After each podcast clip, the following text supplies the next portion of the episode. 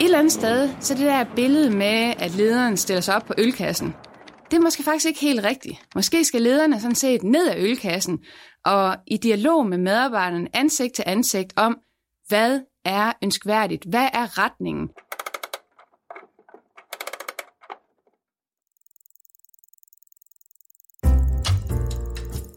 Du lytter til Det Videnskabelige Kvarter, en podcast fra Aarhus BSS, hvor vi sammen med en forsker på 15 minutter vil give dig et indblik i noget forskningsbaseret viden om erhverv og samfund.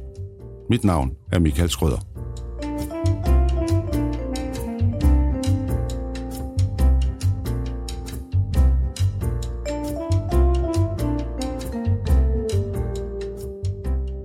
I første afsnit af det videnskabelige kvarters podcastserie om Hvad er god ledelse, hørte vi professor ved Institut for Statskundskab på Aarhus BSS, Lotte Bøge Andersen, fortælle om forskellige ledelsesformer. Transaktionsledelse, hvor man belønner, transformationsledelse, hvor man deler værdier, og distribueret ledelse, hvor man uddelegerer ansvar. Men en ting er, hvordan man leder. Noget andet er, hvilken form for ledelse, der rent faktisk motiverer medarbejderne. Det fortæller Lotte Bøge Andersen mere om i dette afsnit af det videnskabelige kvarter. Hvis du ikke har hørt første afsnit af serien om ledelse, er det en god idé at gå tilbage og starte med at lytte der. Dette afsnit kalder vi Public Service, nu som motivation.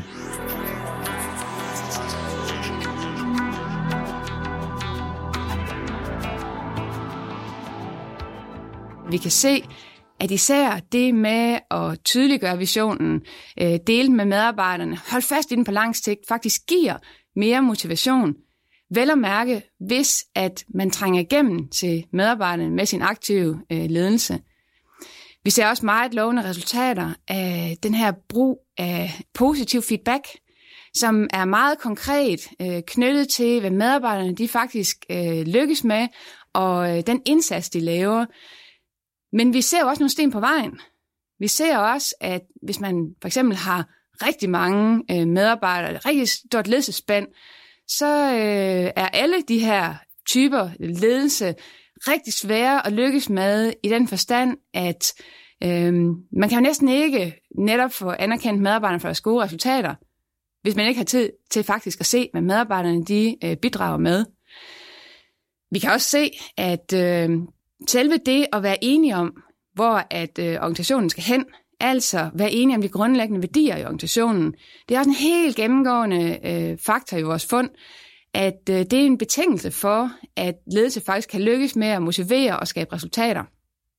Heldigvis, så ser vi jo også øh, nogle ledere, som faktisk øh, over tid formår at lykkes med at få sat de her grundlæggende værdier og, og skabe den her enighed i organisationen om, hvad er egentlig ønskværdigt.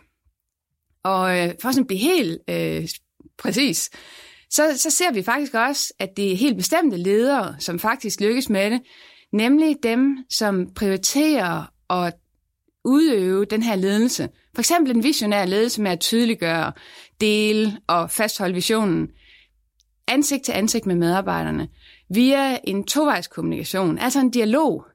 Så øh, et eller andet sted, så det der billede med, at lederen stiller sig op på ølkassen, det er måske faktisk ikke helt rigtigt. Måske skal lederne sådan set ned af ølkassen og i dialog med medarbejderne ansigt til ansigt om, hvad er ønskværdigt? Hvad er retningen? Hvilken havn sejler det her skib hen imod? Vi taler også om tre motivationsfaktorer, som hænger lidt sammen med øh, de her ledelsesformer. I har den ydre motivation, som er løn, arbejdsforhold, karriere med og den indre motivation, som er, når, når medarbejderne synes, at opgaverne er spændende og givende. Og så taler I om en public service motivation. Hvad er det? Jamen, det er jo faktisk den nyeste motivationsform, forskningen har fået øje på. Og når jeg siger nyeste, så har vi jo kigget på det i, i en 15-20 år. Øhm. Men især med New Public Management, som er den her introduktion af mekanismer fra øh, den private sektor ind i den offentlige sektor, der er der kommet den her opmærksomhed på, at særligt i den offentlige sektor, der bliver de ansatte og lederne også drevet af faktisk at gøre godt for, gøre godt for andre end sig selv.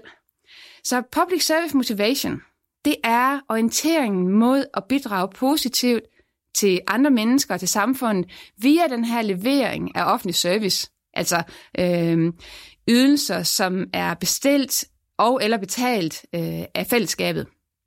Det er jo noget, vi har kigget på i forhold til, om det egentlig gør en forskel. Fordi man tænker måske, når man hører det her, at det ikke bare er varm luft. Men øh, det er det faktisk ikke kun. Det har øh, faktisk betydning for øh, noget så konkret som elevernes øh, folkeskolekarakterer. Øh, hvis man som elev har haft en lærer i et fag, som har øh, høj public service motivation, så har man faktisk en, en lidt højere karakter i det fag, sammenlignet med ens andre karakterer. Og det gælder især, hvis man har haft den public service motiverede folkeskolelærer i både 7., 8. og 9. klasse.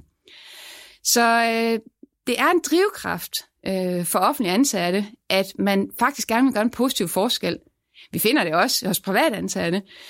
De har typisk lidt mere orientering mod den enkelte bruger, øh, kunde vil man jo kalde det i en privat organisation, mens at vi, hvis vi kigger på deres offentlige ansatte kolleger, selv inden for samme faggruppe, så vil de typisk være mere orienteret mod samfundet. Det her med at bidrage til hele fællesskabet.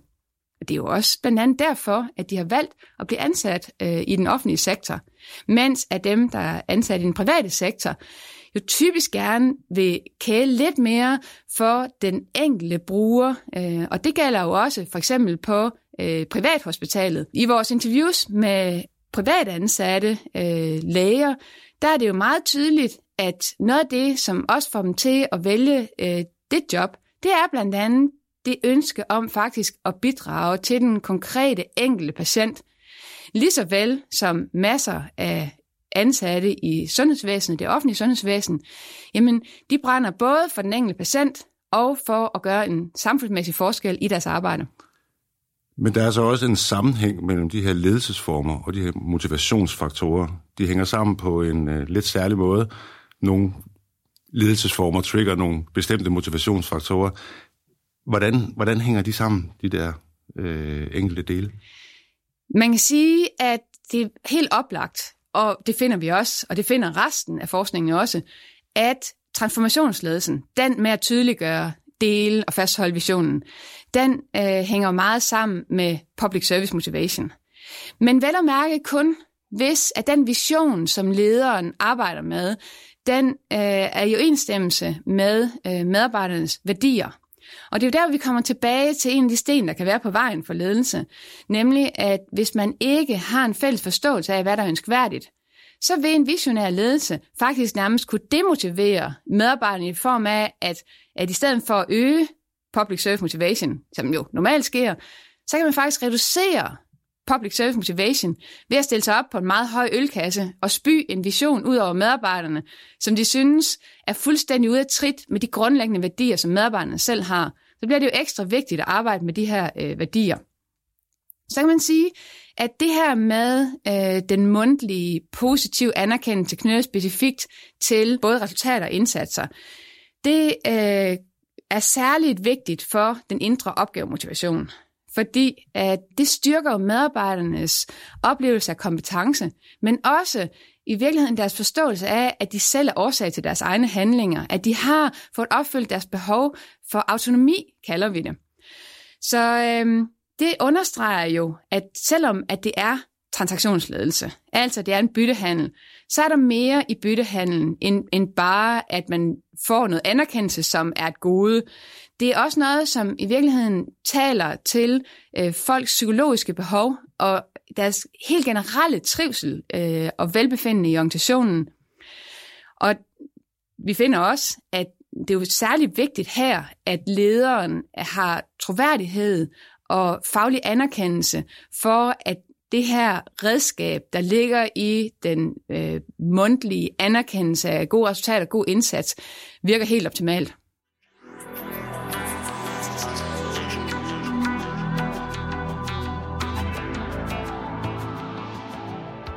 Når vi nu så ser på det samlede billede, hvad er så for dig at se den største udfordring, som ledere står overfor, både i den offentlige og den private sektor, i de kommende år? Både offentlige og private ledere skal hele tiden tilpasse deres ledelse til samfundet, som det udvikler sig. Og det er faktisk en af netop de største udfordringer. På det offentlige område, der skal de offentlige ledere sikre, at der bliver sammenhæng i den offentlige service at øh, borgerne ikke oplever, at en ting bliver sagt, når de kontakter sygehuset, en anden ting, den praktiserende læge, og en tredje ting, når de møder kommunen. Så det med faktisk at lede på tværs af organisatoriske og faglige skæld, det er en rigtig, rigtig stor udfordring, især for offentlige ledere. For private ledere, der er den konstante ændring af samfundet jo et vilkår, de kender. Fordi øh, private ledere, i modsætning til offentlige ledere, jamen de lever under konkurrencens konstante pres. Hvis de ikke tilpasser sig samfundet, så går virksomheden konkurs. Men det samfund, der øh, tegner sig fremadrettet, har jo større vægt på øh, digitalisering, større vægt på robotter, og sådan set også meget større vægt på samspillet mellem offentlig og privat. Og der er en af de udfordringer, de private ledere står jo overfor, det er tilpasse sig de ændrede vilkår for levering af værdi for kunderne og aktionærerne sammen med de offentlige ledere. Så man kan egentlig også sige, at deres ledelsesudfordring også er at skabe øget sammenhæng i hele det danske samfund. Som nævnt, så er du øh, centerleder på Kronprins Frederiks Center for Offentlig Ledelse på Aarhus BSS. Og så er, så, så er du altså både leder, og du er forsker i ledelse. Gør det dig ikke til den perfekte leder? Jeg tror ikke, der er nogen, der er den perfekte leder. Men jeg prøver virkelig at tage min egen medicin på den måde, at jeg prøver at træne mit lederskab og faktisk prioritere ledelsesudvikling. Og så har jeg jo heldigvis også en masse kolleger, som også er ledelsesforskere. Og det betyder, at jeg kan få den feedback, der er helt nødvendig for at udvikle mit lederskab i forhold til, øh, og at andre ser på en, så man faktisk ved, hvordan at ledelsen opfattes af andre. Det er rigtig vigtigt for mig, at det, mit lederskab er tydeligt, og heldigvis står jeg jo ikke alene. Øh, jeg har jo et ledelsesteam omkring øh, det kommende Center for Offentlig Ledelse, hvor vi bruger hinanden til hele tiden at udvikle vores ledelse, gøre den tydelig og tilpasse den hele tiden den måde, som vores omgivelser også ændrer sig på, for at leve op til det, som vi skal i ledelsescenteret, nemlig at spille både offentlige og private ledere gode til at lykkes med deres lederskab. Det er vores mission. Og min ledelse lykkes, når vi sammen lykkes med at skabe resultater i forhold til netop den målsætning. Lotte B. Andersen, tusind tak, fordi du vil være med her.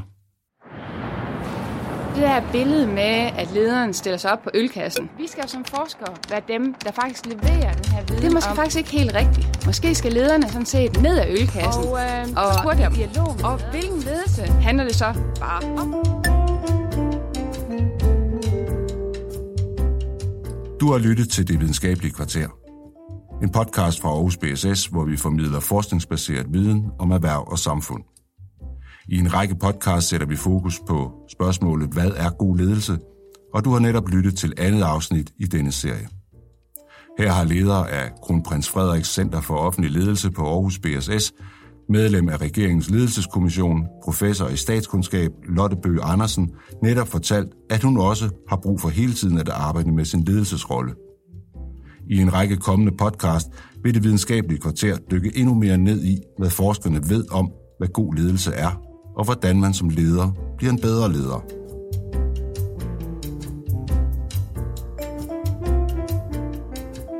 Så er du interesseret i ledelse eller andre emner inden for erhverv og samfund, så abonner på det videnskabelige kvarter på iTunes eller hvor du normalt hører podcast. Du kan også finde os på Aarhus BSS' hjemmeside Insights ved at gå ind på bss.au.dk-insights. Og så kan du selvfølgelig finde os og følge os på de sociale medier, Facebook, LinkedIn og Twitter, hvor du er velkommen til at like og dele vores opslag. Så på genhør.